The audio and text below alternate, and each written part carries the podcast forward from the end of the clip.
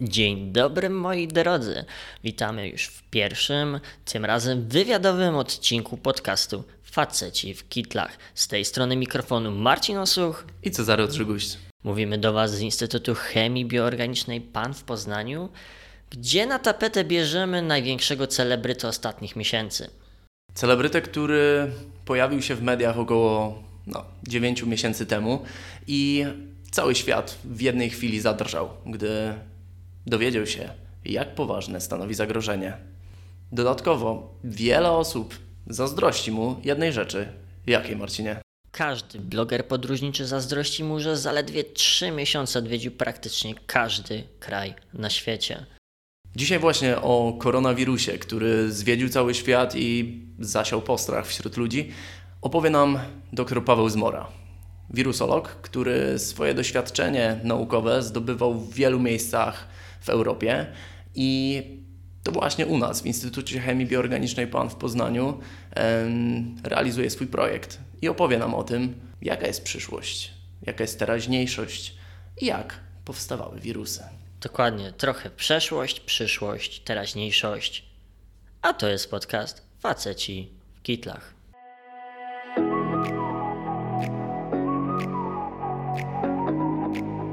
Dzień dobry moi drodzy. W dzisiejszym premierowym odcinku porozmawiamy z największym celebrytą ostatnich miesięcy oraz jego kolegami. Oczywiście do tej rozmowy zaprosiliśmy specjalistę w tych e, sytuacjach, w tych sprawach.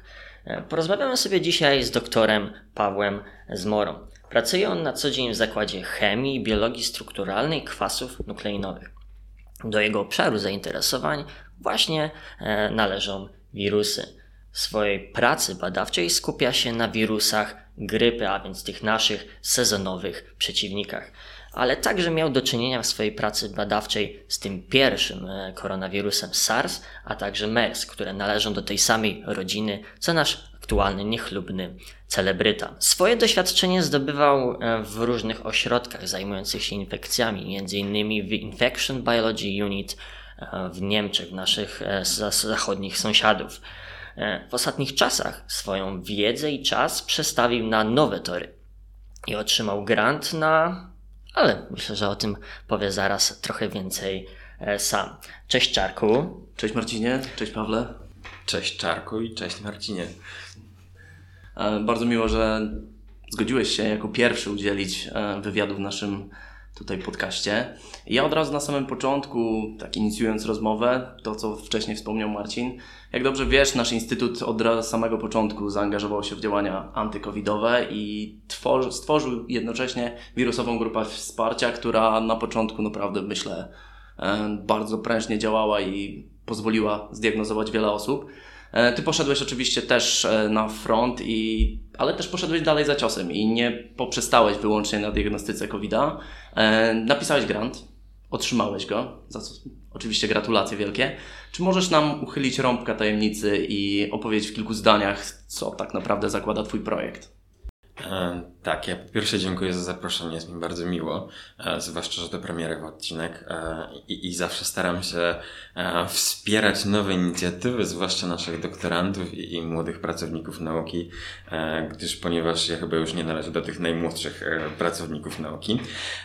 Co do samej wirusowej grupy wsparcia, to ja byłem tak zwanym izolaczem, z czego jestem bardzo dumny, izolowałem i, i rzeczywiście nie skupiłem się tylko na tym, ale postarałem starałem się powiązać moje wcześniejsze doświadczenia, e, moją wiedzę, e, moje wykształcenie e, i stworzyłem rzeczywiście grant, grant, który skupia się na proteazie serenowej typu drugiego, w skrócie pięknie nazywającej się TMPRSS2.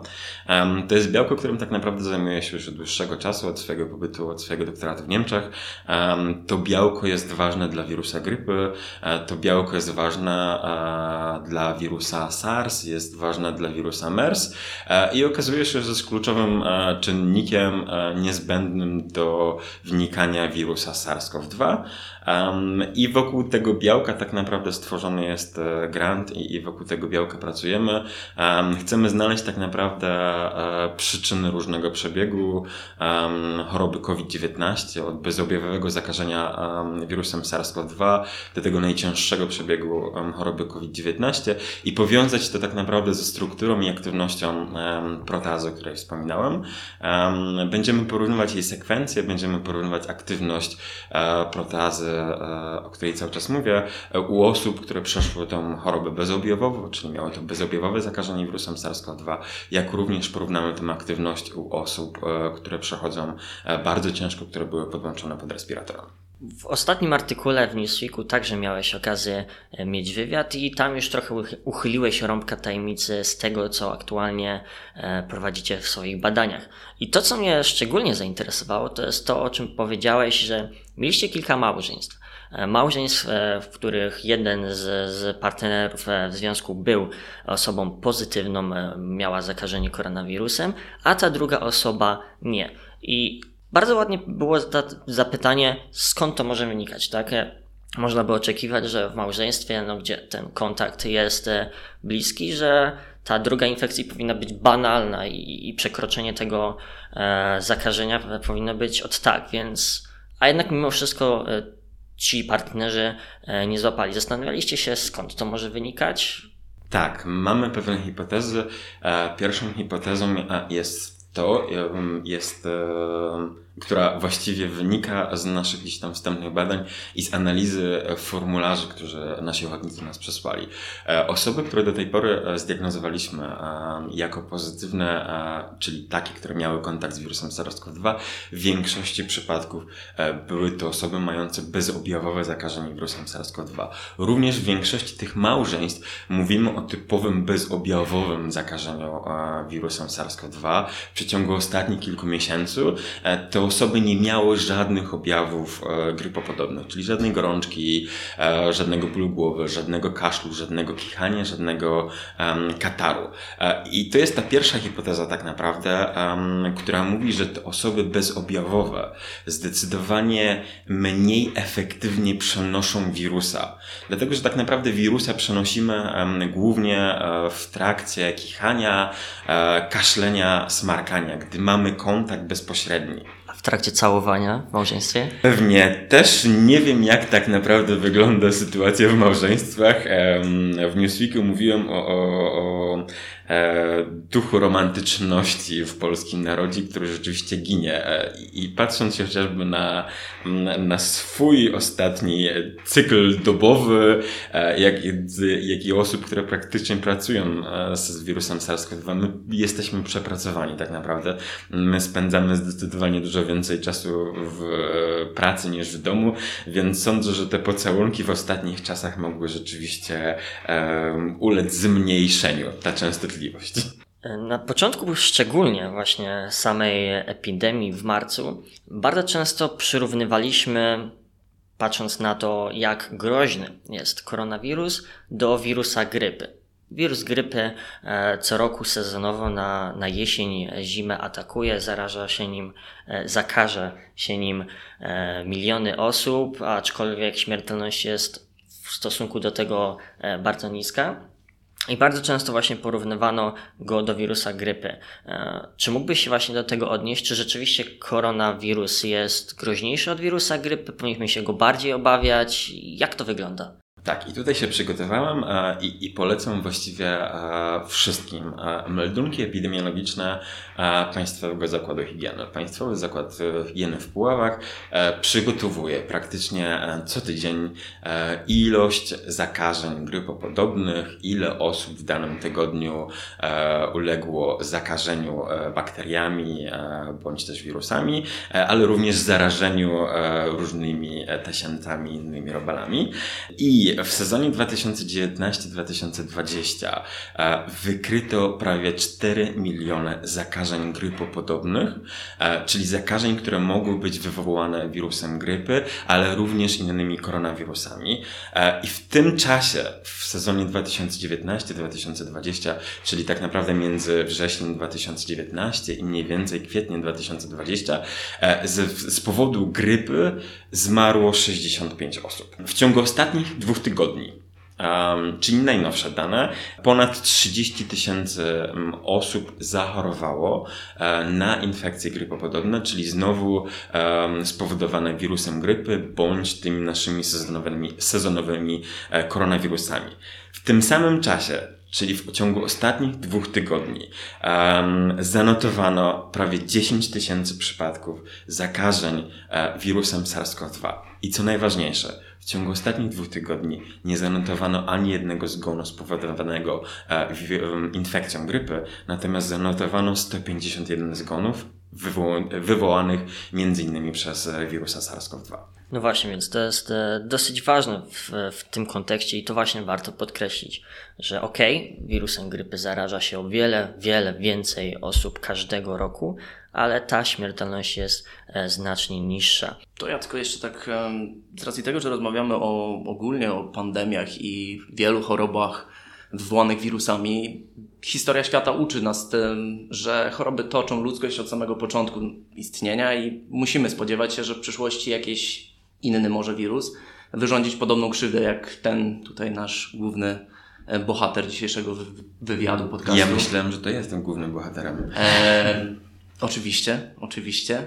E, jednak czy istnieją jakieś przesłanki ku temu, żeby przewidywać, że może dojść do pandemii, czy jednocześnie, czy jesteśmy w stanie przewidzieć i zarazem zapobiegać takim sytuacjom, jak miała na początku 2020 roku, kiedy to w zasadzie cały świat e, był mocno zaskoczony panującą sytuacją i jak informacjami o tym, jak szybko rozprzestrzenia się e, COVID. Um, ja niestety obawiam się, że nie jesteśmy przewidzieć tak naprawdę kolejnych pandemii, nie jesteśmy przewidzieć e, w stanie nowych wirusów, które e, mogą zaatakować e, nasze społeczeństwo. Um, epidemiolodzy i historycy tak naprawdę mówią, że w każdym wieku w historii ludzkości była przynajmniej jedna duża pandemia, która spowodowała zgon wielu milionów osób. W XX wieku tak naprawdę największą pandemią była oczywiście pandemia hiszpanki, czyli wirusa grypy, e, który e, praktycznie dotknął e, prawie jedną trzecią światowej populacji i szacuje się, że mniej więcej 5 do 10% światowej populacji zmarło ze względu na wirusa hiszpanki, czyli na wirusa grypy. Czy możemy przewidywać tak naprawdę to, co się stanie w przyszłości? W XXI wieku mieliśmy już jedną pandemię, była to pandemia świń świńskiej grypy. E, na szczęście e, mieliśmy skuteczne strategie, mieliśmy tak naprawdę leki, które e, były w stanie powstrzymać tą pandemię i teraz mamy tak naprawdę drugą pandemię, pandemię wirusa SARS-CoV-2. Trochę inny wirus z innej grupy, trochę inaczej się zachowujący. Co będzie się działo tak naprawdę dalej, to musimy obserwować. Ja nie jestem jasnowidzem, niestety nie mam kryształowej kuli i nie jestem w stanie powiedzieć co i jak. Jednakże obawiam się, że ze względu na zmiany klimatyczne, e, na zmiany środowiskowe, na to, co się dzieje, e, na to, że tak naprawdę e, my wchodzimy coraz mocniej w środowisko, którego nie do końca znamy i którego nie do końca rozumiemy, to będzie powodowało coraz częstszy kontakt z nowymi organizmami, z nowymi patogenami, takimi jak właśnie wirusy, co może powodować nowe pandemie, co może powodować epidemie, co może niestety mieć fatalne skutki dla nas. Okej, okay. Sam powiedziałeś, mieliśmy pandemię świńskiej grypy. E, aktualny wirus pochodzi najpewniej od nietoperzy. Poprzednie koronawirusy SARS, MERS e, również pochodziły od nietoperzy. Gdzieś słyszałem opinię, że to jest właśnie główny problem, że mamy zbyt duży kontakt ze zwierzętami, pozwalamy zwierzętom, które w naturalnym środowisku nie miałyby ze sobą nawzajem kontaktu, aby do takiego kontaktu zachodziło właśnie między innymi na e, targach zwierząt, co może powodować, że właśnie wirusy, które w nietoperzach jest ich bardzo dużo i normalnie nie stanowiłyby dla nas żadnego zagrożenia, ponieważ są zbyt odległe od nas, to właśnie przez ten kontakt e, z różnymi zwierzętami on gdzieś w końcu przeskoczy. I, i gdzieś słyszałem opinię, że bardzo prawdopodobne, że właśnie kolejne zagrożenie, kolejna pandemia będzie nas czekała, czemu nie, od kolejnego e, nietoperza czy innego zwierzęcia, więc może właśnie to jest rozwiązanie, że w jakiś sposób powinniśmy mieć protokoły pracy ze zwierzętami, skoro mamy tyle zwierząt hodowlanych, one są rezerwuarem dla wielu wirusów, dla wielu bakterii, że to jest główny problem, że za dużo chyba sobie pozwalamy. Co o tym sądzisz? Ja nie do końca bym się zgodził. Tak naprawdę e, protokoły hodowli zwierząt są bardzo dobre w tej chwili w tych krajach zachodnich, na przykład w Unii Europejskiej. Co ciekawe, e, jeden z przepisów Unii Europejskiej w tej chwili zabrania wlatywania jaskółkom do obory z bydłem, do, do mm, miejsc, gdzie hodowana jest trzoda chlewna, co zapobiega transmisji tak naprawdę patogenów z jednego organizmu na drugi. Dlatego, że największym problemem tak naprawdę jest trzoda chlewna. Nasza e, kochana polska świnka. Ona ma bardzo dużo wspólnych cech z człowiekiem, ale ma też bardzo dużo wspólnych cech z tymi typowymi organizmami dzika, dzikimi. Ona jest, e, wirusolodzy to nazywają e, najlepszym naczyniem, w którym wirus tak naprawdę może mutować i który może przeskakiwać tak naprawdę z nietoperza na przykład na człowieka. Nie ma dowodów, że tak naprawdę ten wirus typu SARS-CoV-2 przeskoczył bezpośrednio E, z nietoperza na, na człowieka. Tam zawsze jest jakiś organizm, um, pośredni. który pośredni, tak, tak jak mówisz, e, który powoduje to, że ten wirus trochę się adaptuje do, do organizmu, który e, jest nam bliższy i wtedy przechodzi na człowieka. Niestety ta, ta sytuacja, która miała miejsce w Chinach, um, czyli targi żywych zwierząt, na których są zabijane żywe zwierzęta, na których jest klatka z nietoperzami, a obok tak naprawdę jest trzoda chlewna, świnia, a obok jest bydło, to powoduje, że te wirusy tak naprawdę um, mają nowe środowisko. One mogą sobie przeskakiwać spokojnie um, z jednego organizmu na drugi. E, niestety ta krew, która e, jest jej dużo na tych targach, e, również może sobie swobodnie krążyć między różnymi organizmami i to powoduje, że wirusy po prostu adaptują się do nowego środowiska i później przeskakują.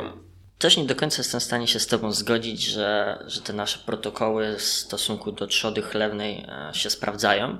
Bo a propos wirusu pomoru świni, ASF-u, który przyszedł do nas ze wschodu, bardzo dużo um, danych sugeruje, że winne są nie dziki biegające po lesie i roznoszące ten wirus, a myśliwi e, i rolnicy, którzy właśnie polu- tutaj w przypadku myśliwych polują na te dziki, w przypadku rolników mają kontakt z tą trzodą, że to oni właśnie przez e, nieodpowiednie środki bezpieczeństwa są tymi, którzy roznoszą tego wirusa dalej.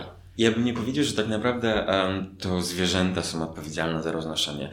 Um, odpowiedzialny jest zawsze człowiek i, i ta nasza ekspansja. Tak, to my dokładnie. chcemy tak naprawdę um, hodować trzodę chlowną na, na wielką skalę. Chcemy sprzedawać, chcemy zarabiać pieniądze, e, wchodzimy w nowe rejony. E, w Chinach po prostu eksploruje się lasy, które do tej pory nie były eksplorowane. Znajduje się nowe gatunki nietoperzy, które dla nich są przysmakiem. E, sprowadza się do, do części bardziej cywilizowanej cywilizowanej, gdzie jest trzoda chlewna i to powoduje tak naprawdę, że wirusy, które były um, obecne tylko w jakimś ograniczonym um, regionie, nagle pojawiają się w innym regionie, nagle mają, tak jak mówiłem, e, nowe tak zwane pole do popisu. Mogą wejść do um, innych zwierząt, mogą zaadaptować się i potem mogą przeskoczyć na człowieka. Więc wydaje mi się, że zawsze to człowiek jest tym, e, no niestety, najgorszym elementem, e, który powoduje to, że, że te wirusy przenoszą się. Tutaj warto też wspomnieć o tym, że tak naprawdę większość epidemii jest ograniczona lokalnie, dlatego są to, tak, są to epidemie.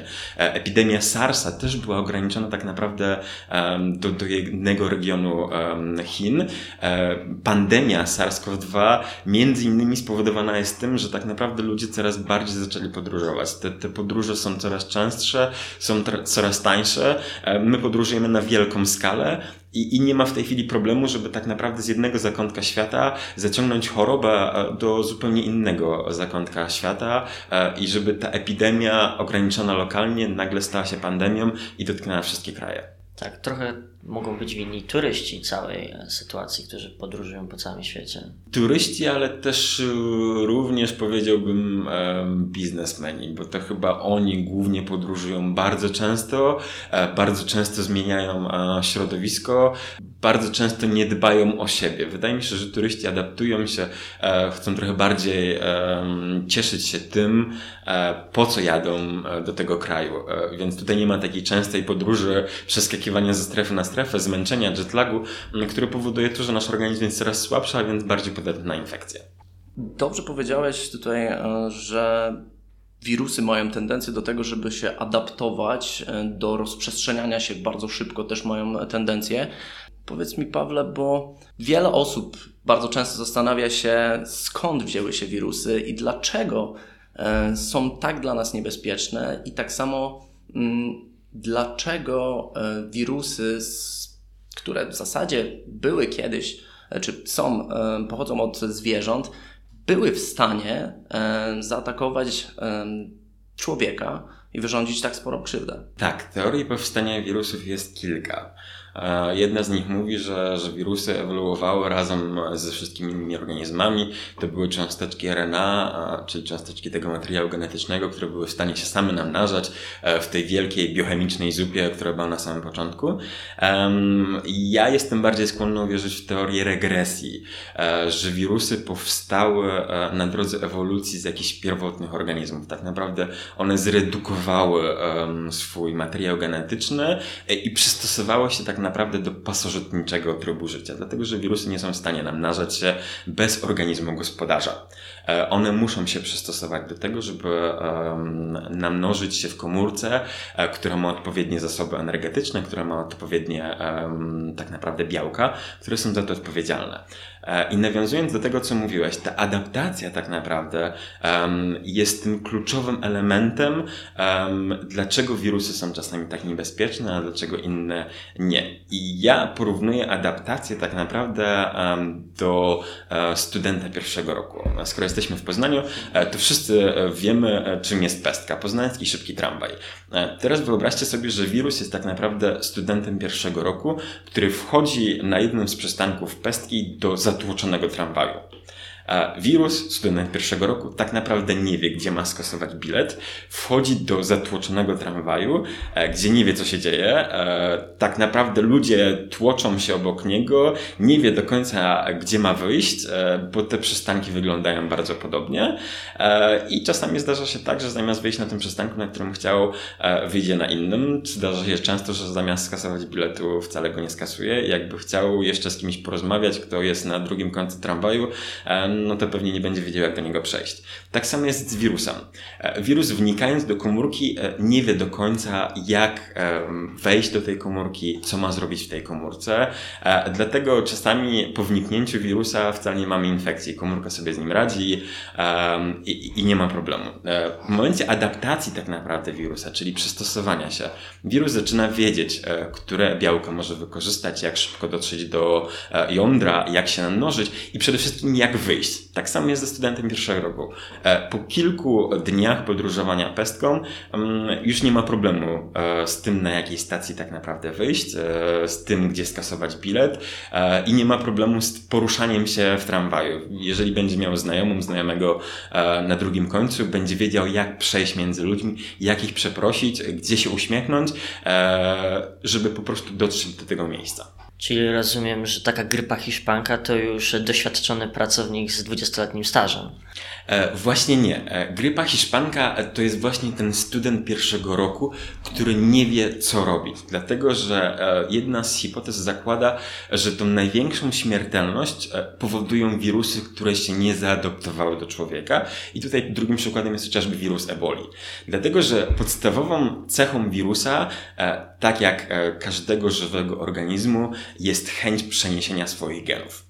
Więc w momencie, gdy wirus będzie zabijał swojego nosiciela, nie będzie mógł przenosić efektywnie swojego e, materiału genetycznego, nie będzie mógł się namnażać. E, grypa hiszpanka w tych pierwszych okresach zabijała naprawdę bardzo dużo osób, a więc tak naprawdę nie mogła przenosić się dalej. Dopiero gdy zaczęła mutować, gdy zaczęła się adaptować, gdy nasz organizm zaczął odpowiednio odpowiadać na tę e, infekcję, e, ona zaczęła powodować mniejszą śmiertelność, stała się tak naprawdę wirusem sezonowym, e, który e, cyrkulował potem przez kilkadziesiąt lat e, wśród populacji ludzkiej, nie zabijał tylu ludzi, ale bardzo efektywnie przenosił się z jednej osoby na drugą. To w takim razie, jaki prawdopodobny scenariusz czeka naszego aktualnego celebrytę? Czy właśnie będzie tak jak z wirusem Ebolą, że on teraz uderzył i gdzieś za rok, półtora, dwa e, wszystko się uspokoi i praktycznie rzecz biorąc zapomniemy, zapomnimy o tym wirusie, czy będzie właśnie taki scenariusz jak e, wirusa grypy, że będzie to sezonowa choroba, e, co rok, dwa warto będzie się zaszczepić, żeby wzmocnić nasze, nasz układ odpornościowy. Który z tych scenariuszy wydaje Ci się bardziej prawdopodobny? Czy w ogóle jesteśmy w stanie na ten moment się domyślać? Um, i, I znowu to pytanie raczej do jasnowidza Macieja albo, jakiegoś albo jakiejś innej wróżki, um, ale możemy przypuszczać tak naprawdę, co się stanie na podstawie danych, które mamy. Oczywiście wirus SARS-CoV-2 może zmutować e, i może przystosować się, tak jak mówiłem, e, do organizmu ludzkiego, tak jak wirus grypy, e, czyli będzie w pewnym momencie powodował tylko i wyłącznie to sezonowe przeziębienia, stanie się typowym wirusem powodującym infekcje grypopodobne, tak jak wirusy, koronawirusy, które cyrkulują tak naprawdę i które powodują te typowe zimowe przeziębienia. To są koronawirusy NL63 e, na przykład. I miejmy nadzieję tak naprawdę, że tak się stanie. E, przy czym trzeba pamiętać o tym, że koronawirusy zdecydowanie e, mm, rzadziej mutują e, i trochę trudniej im przystosować się do organizmu ludzkiego w porównaniu do wirusa grypy z tego względu, że koronawirus ma jeden genom, który ma 30 tysięcy par zasad. Grypa ma 8 segmentów, które w międzyczasie mogą tak naprawdę mutować, czyli ta ilość kombinacji, która może powstać z grypy jest zdecydowanie zdecydowanie większa niż w przypadku e, wirusa SARS-CoV-2. E, przy czym, tak jak mówiłem, znamy mm, koronawirusy, które normalnie cyrkulują. E, nie wiemy tak naprawdę, jacy byli protoplaści tych wirusów, czy one rzeczywiście tak samo powodowały wielkie pandemie i, śmierć wielu osób. Drugą strategią tak naprawdę i tym, czego możemy się spodziewać, to to, że ten wirus nagle zniknie. Tak się tak naprawdę stało z wirusem SARS. Epidemia w 2002-2003 roku e, spowodowała śmierć kilku tysięcy osób e, i tak naprawdę e, po, 2003, po 2003 roku były tylko cztery przypadki, gdzie wykryliśmy znowu jakieś ogniska wirusa SARS, z czego trzy były związane z wypadkami z laboratorium i ucieczką tak naprawdę wirusa z laboratorium. Tak więc bardzo możliwe możliwe, że ten wirus po prostu w pewnym momencie, gdy będziemy mieli skuteczną strategię, gdy będziemy mieli skuteczne leki, e, on przestanie niejako być dla nas zagrożeniem. E, przy czym tutaj należy znowu podkreślić to, że wirus SARS-CoV-2 jest wirusem odzwierzęcym. Tak więc to nie jest wirus, który um, tylko i wyłącznie e, infekuje ludzi, którym rezerwuarem są tylko ludzie, więc w momencie, gdybyśmy um, niejako poradzili sobie z um, wirusem w populacji ludzkiej, on przestanie istnieć. On cały czas będzie w populacji um, nietoperzy, w populacji łuskowców, więc o ile nie będziemy mieli odpowiedniej strategii do tego, żeby ten wirus nie mógł przeskakiwać na, na tych nosicieli pośrednich, takich jak trzota chlewna, to niestety cały czas będziemy w stanie zagrożenia. Tak, nawet słyszałem przez chwilę o zagrożeniu, że koty mogą być takimi nosicielami. Na którymś z zoo nawet jeden tygrys był wykryty z koronawirusem. Tak, e, możliwe, że koty będą nosicielami. E, koty są nosicielem bardzo dużej grupy e, kocich koronawirusów.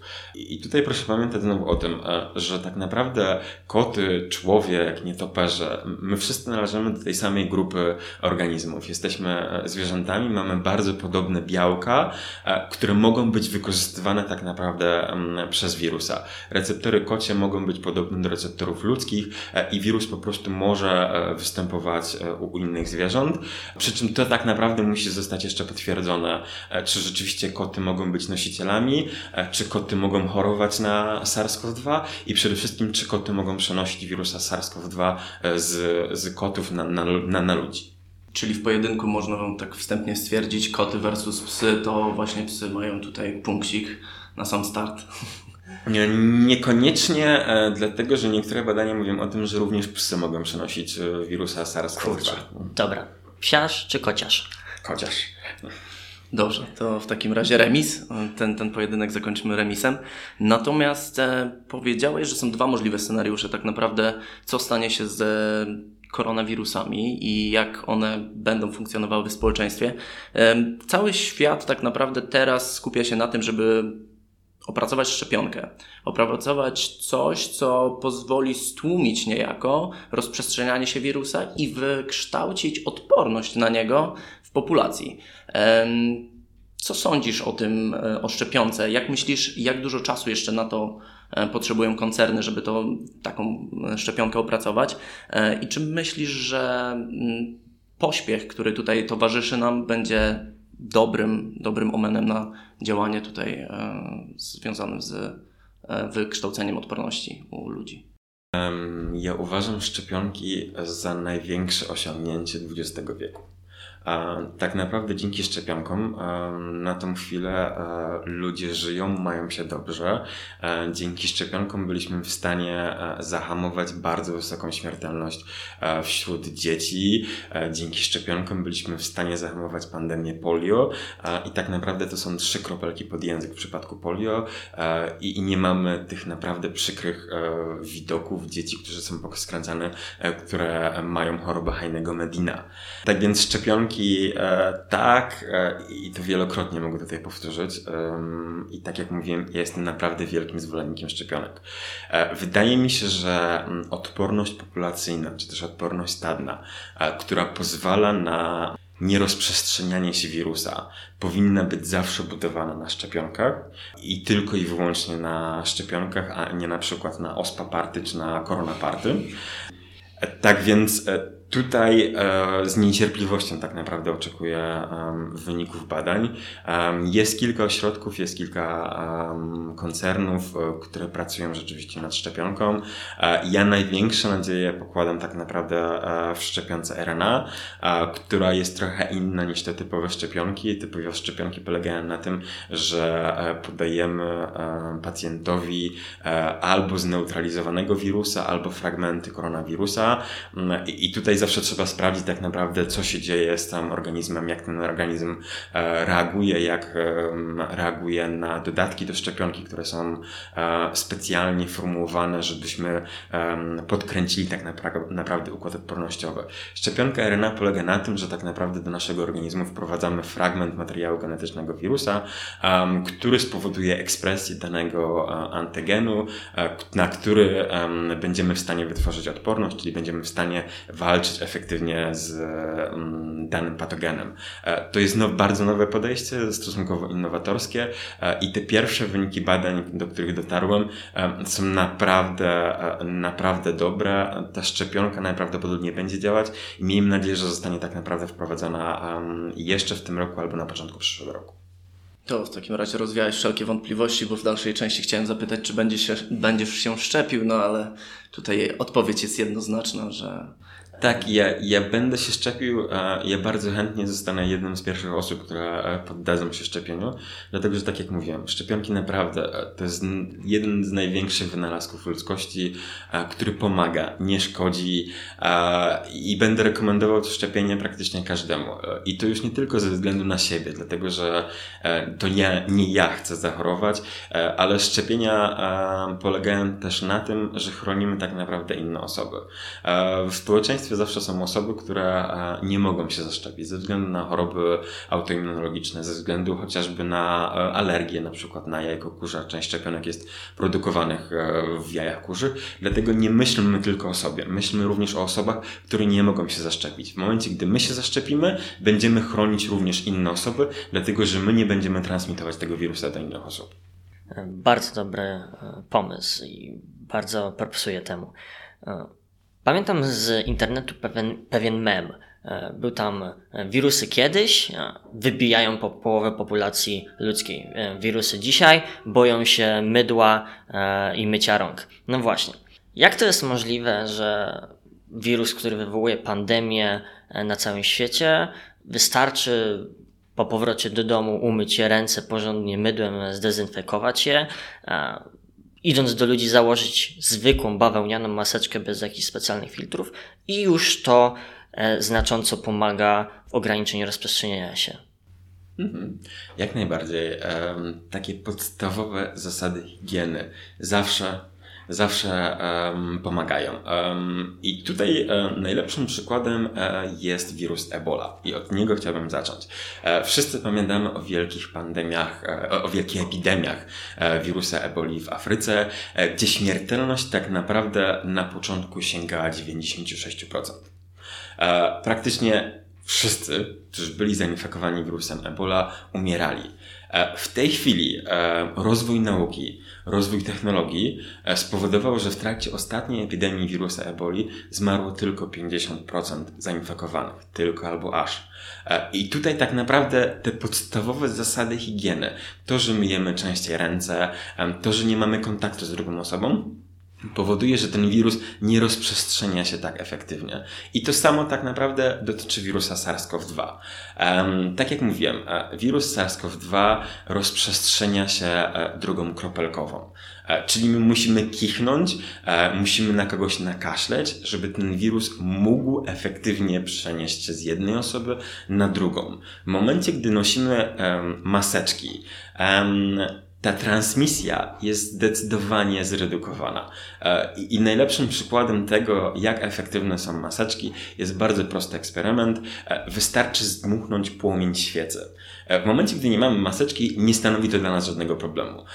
W momencie, gdy założymy tą maseczkę, zdmuchnięcie płomienia świecy jest zdecydowanie trudniejsze, dlatego że tak naprawdę ten strumień powietrza rozprasza się. Innym przykładem tego, jak działają maseczki, jest to, jakbyśmy chcieli przejść przez ogrodzenie, e, które jest pokryte żywopłotem. Tak jak maseczka. Tak naprawdę to nie jest jedynie przeskoczenie. To trzeba się przedzierać przez um, krzaki, trzeba się przedzierać przez warstwę materiału e, i tak naprawdę na każdej warstwie materiału wirus, który jest bardzo lekki, który bardzo lubi się kleić do różnych części, może się zatrzymywać. To powoduje, że ta, ta transmisja jest zdecydowanie mniejsza. Z drugiej strony, e, mycie rąk. Tak jak mówiłem, w momencie, gdy kaszlemy, kichamy, zazwyczaj zasłaniamy, a przynajmniej powinniśmy zasłaniać swoje usta, e, więc mamy tego wirusa tak naprawdę e, na swoich dłoniach. Dezynfekcja, mycie rąk powoduje, że ten wirus po prostu jest inaktywowany. Mydło rozpuszcza e, błonę lipidową, która tworzy wirusa i to powoduje, że po prostu ten wirus nie przenosi się na inną osobę, nie jest w stanie się przenieść. Co ciekawe, wydaje mi się, że Polacy E, w XXI wieku rzeczywiście odkryli te środki e, higieniczne, dlatego że patrząc się w sklepach kosmetycznych, e, tego mydła zaczyna brakować. I co najciekawsze, żeby to potwierdzić, to ilość chorób tak zwanych brudnych rąk, czyli salmonelozy, tych jelitówek, które rzeczywiście są powodowane przez to, że nie myjemy rąk, w ostatnim okresie spadła kilkukrotnie. Tak, Polacy odkryli, że po wyjściu z toalety też trzeba umyć ręce. E, ok, wracając jeszcze do maseczek. E, bardzo, ale to bardzo dużo opinii e, mówi, że od noszenia maseczki, nie wiem, możemy złapać grzybice, zapalenie płuc. Co tak naprawdę oprócz dyskomfortu, szczególnie teraz w tych ciepłych dniach, mogą wywołać maseczki? Czy rzeczywiście powinniśmy się obawiać grzybicy od noszenia zbyt długo maseczki? Nie powinniśmy się obawiać grzybicy w momencie, gdy nosimy prawidłowo tę maseczkę. Ja nie rekomenduję noszenia jednej maseczki przez cały dzień, e, w bardzo upalnym e, dniu, e, dlatego, że tak naprawdę wydychamy powietrze, wraz z powietrzem wydamy parę, mamy resztki jedzenia tak naprawdę w jamie ustnej. To wszystko się kumuluje na maseczce. Wtedy rzeczywiście to może rzeczywiście doprowadzić do rozwoju grzybów czy bakterii. Dlatego tak naprawdę naprawdę maseczkę powinniśmy zmieniać jak najczęściej i powinniśmy mieć co najmniej kilka maseczek na dany dzień. W momencie, gdy wiemy, że na przykład w tramwaju spędzimy e, ponad godzinę, bo jedziemy z jednego końca miasta do drugiego, tej maseczki, którą używamy w tramwaju, nie powinniśmy używać tego dnia już więcej. Powinniśmy ją wyprać, powinniśmy ją wyprasować e, i użyć dopiero po zdezynfekowaniu tak naprawdę i po inaktywacji. Dlatego ja bym polecał e, noszenie przynajmniej trzech maseczek ze sobą. To mogą być te zwykłe bawełniane maseczki, one również chronią, które możemy spokojnie prać, które możemy prasować i poprzez to możemy inaktywować wirusa. Żyjemy teraz w czasach, w których tak naprawdę internet, tak jak wcześniej Marcin wspomniał, e, jest kopalnią i źródłem wielu informacji. Często jesteśmy zalewani tak naprawdę informacjami, które no, nie są prawdziwe. Dlatego w naszym podcaście chcielibyśmy, z, żebyś zdementował jakiś fake news, po którego przeczytaniu aż przecierałeś oczy ze zdumienia i no, nie mogłeś uwierzyć, że ktoś coś takiego powiedział. A często się zdarza, że to właśnie osoby wykształcone, osoby, które piastują jakieś wyższe stanowisko, też im się zdarzy mm, powiedzieć coś, co no niekoniecznie jest e, zgodne z prawdą. Tak, ja mam kilka dobrych przykładów. Jednym z najlepszych jest artykuł właściwie opublikowany e, w jednym z czasopism, niestety w czasopiśmie Predatorze, czyli takim, który publikuje wszystko, byleby zapłacić. E, nie sprawdza w ogóle treści i nie jest, ta treść nie podlega merytorycznej oceny. Jest to informacja o tym, e, iż sieć 5G powoduje e, mutacje i powoduje właściwie powstawanie koronawirusów. Artykuł był naprawdę ciekawy, obrazki były fascynujące, e, dlatego że autorzy porównali helisy DNA, porównali na, właściwie nawiązanie, naniesienie helisy na, na chromatynę i całą budowę e, właściwie materiału genetycznego do e, nici i do cewek w zwojach elektromagnetycznych. To spowodowało to, że z DNA, z naszego DNA tak naprawdę pod wpływem promieniowania 5G powstają nowe cząsteczki RNA i te nowe cząsteczki RNA kształtują się w wirusy. I tutaj niestety jest ten problem tak naprawdę, że autorzy posługują się pewnymi faktami naukowymi, dodatkowo e, swoją afiliacją, bo są to zazwyczaj jacyś naukowcy, wiążą fakty z różnych dziedzin i, i tworzą nowe e, informacje, które nie mają tak naprawdę podstaw biologicznych, e, które nie były zrecenzowane przez, przez wirusologów e, i puszczają taką informację w świat. I coraz więcej osób zaczyna mówić, że rzeczywiście sieć 5G e, jest odpowiedzialna za koronawirusa, że powinniśmy nosić e, czapeczki z aluminium, żeby się chronić E, przed koronawirusem i przed siecią 5G. To jest taki bardzo absurdalny fake news, który widziałem. E, niestety takim bardziej przykrym e, fake newsem, który jest niejako związany bardziej z naszą pracą i z tym, co robimy, e, a staramy się również popularyzować naukę, jest, są odpowiedzi tak naprawdę internautów na jednym z portali społecznościowych, gdzie stwierdzono, że tak naprawdę to wszystko, co robimy, jest podyktowane przez jaszczuru ludzi, przez masonerię, czy przez innych bogaczy, że cała pandemia nie jest rzeczywiście pandemią, że jest to plandemia, jakiś dziwny plan wyeliminowania jednostek, że nie ma wirusa. Tak, tutaj to jest ten bardzo przykry tak naprawdę fake news.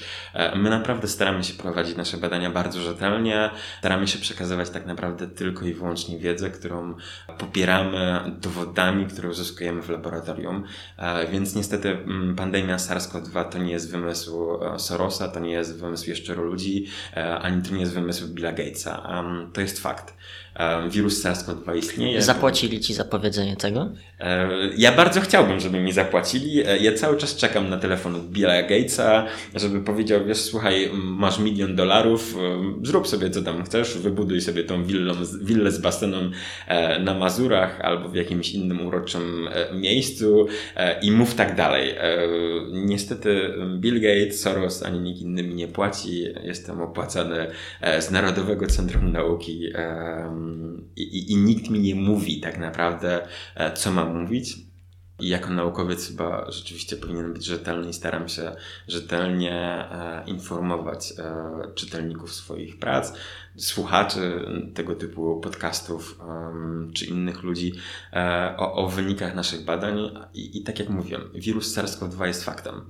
E, to nie jest wymysł, wirus SARS-CoV-2 powoduje e, zgony wielu ludzi i naprawdę musimy opracować odpowiednią strategię, żeby walczyć z tym wirusem, żeby opanować pandemię i żeby wrócić do tej normalności, za którą chyba wszyscy bardzo tęsknimy. Tak, taka hipokryzja jeszcze dotycząca ludzi mówiących o pandemii, to jakoś kiedy sugeruje im się, okej, okay, skoro nie wierzycie w wirusa, to zapraszamy do szpitalów, do domów opieki społecznej, by tam wesprzeć tych ludzi, to jakoś nagle nabierają wody w usta i już tak się nie palą do krzyczenia, że wirusa e, nie ma ja jak słuchałem Twojej wypowiedzi, Twoich e, kwestii z fake newsem, szczególnie tego pierwszego, to aż przetarłem, o, naprawdę wtedy przecierałem oczy, czy raczej uszy ze zdumienia, że może coś takiego um, się pojawić w jakimś, jakby nie patrzeć, czasopiśmie e, i dotrzeć do szerszego grona odbiorców. Mam nadzieję, że my w naszym podcaście będziemy docierać do szerokiego grona odbiorców, do Was, do osób, które są żądne informacji, rzetelnych informacji, które informacje od polskich naukowców, młodych polskich naukowców, którzy em, robią naprawdę kawał dobrej roboty, kawał nauki. Em, tobie, Pawle, dziękujemy serdecznie. To był naprawdę bardzo miło, mile spędzony czas, ten poranek. Mam nadzieję, że do zobaczenia, do usłyszenia. Dziękuję za zaproszenie jeszcze raz i powodzenia. Dziękujemy i naszym słuchaczom serdecznie dziękujemy, że wysłuchaliście nas do samego końca i mam nadzieję, że do usłyszenia.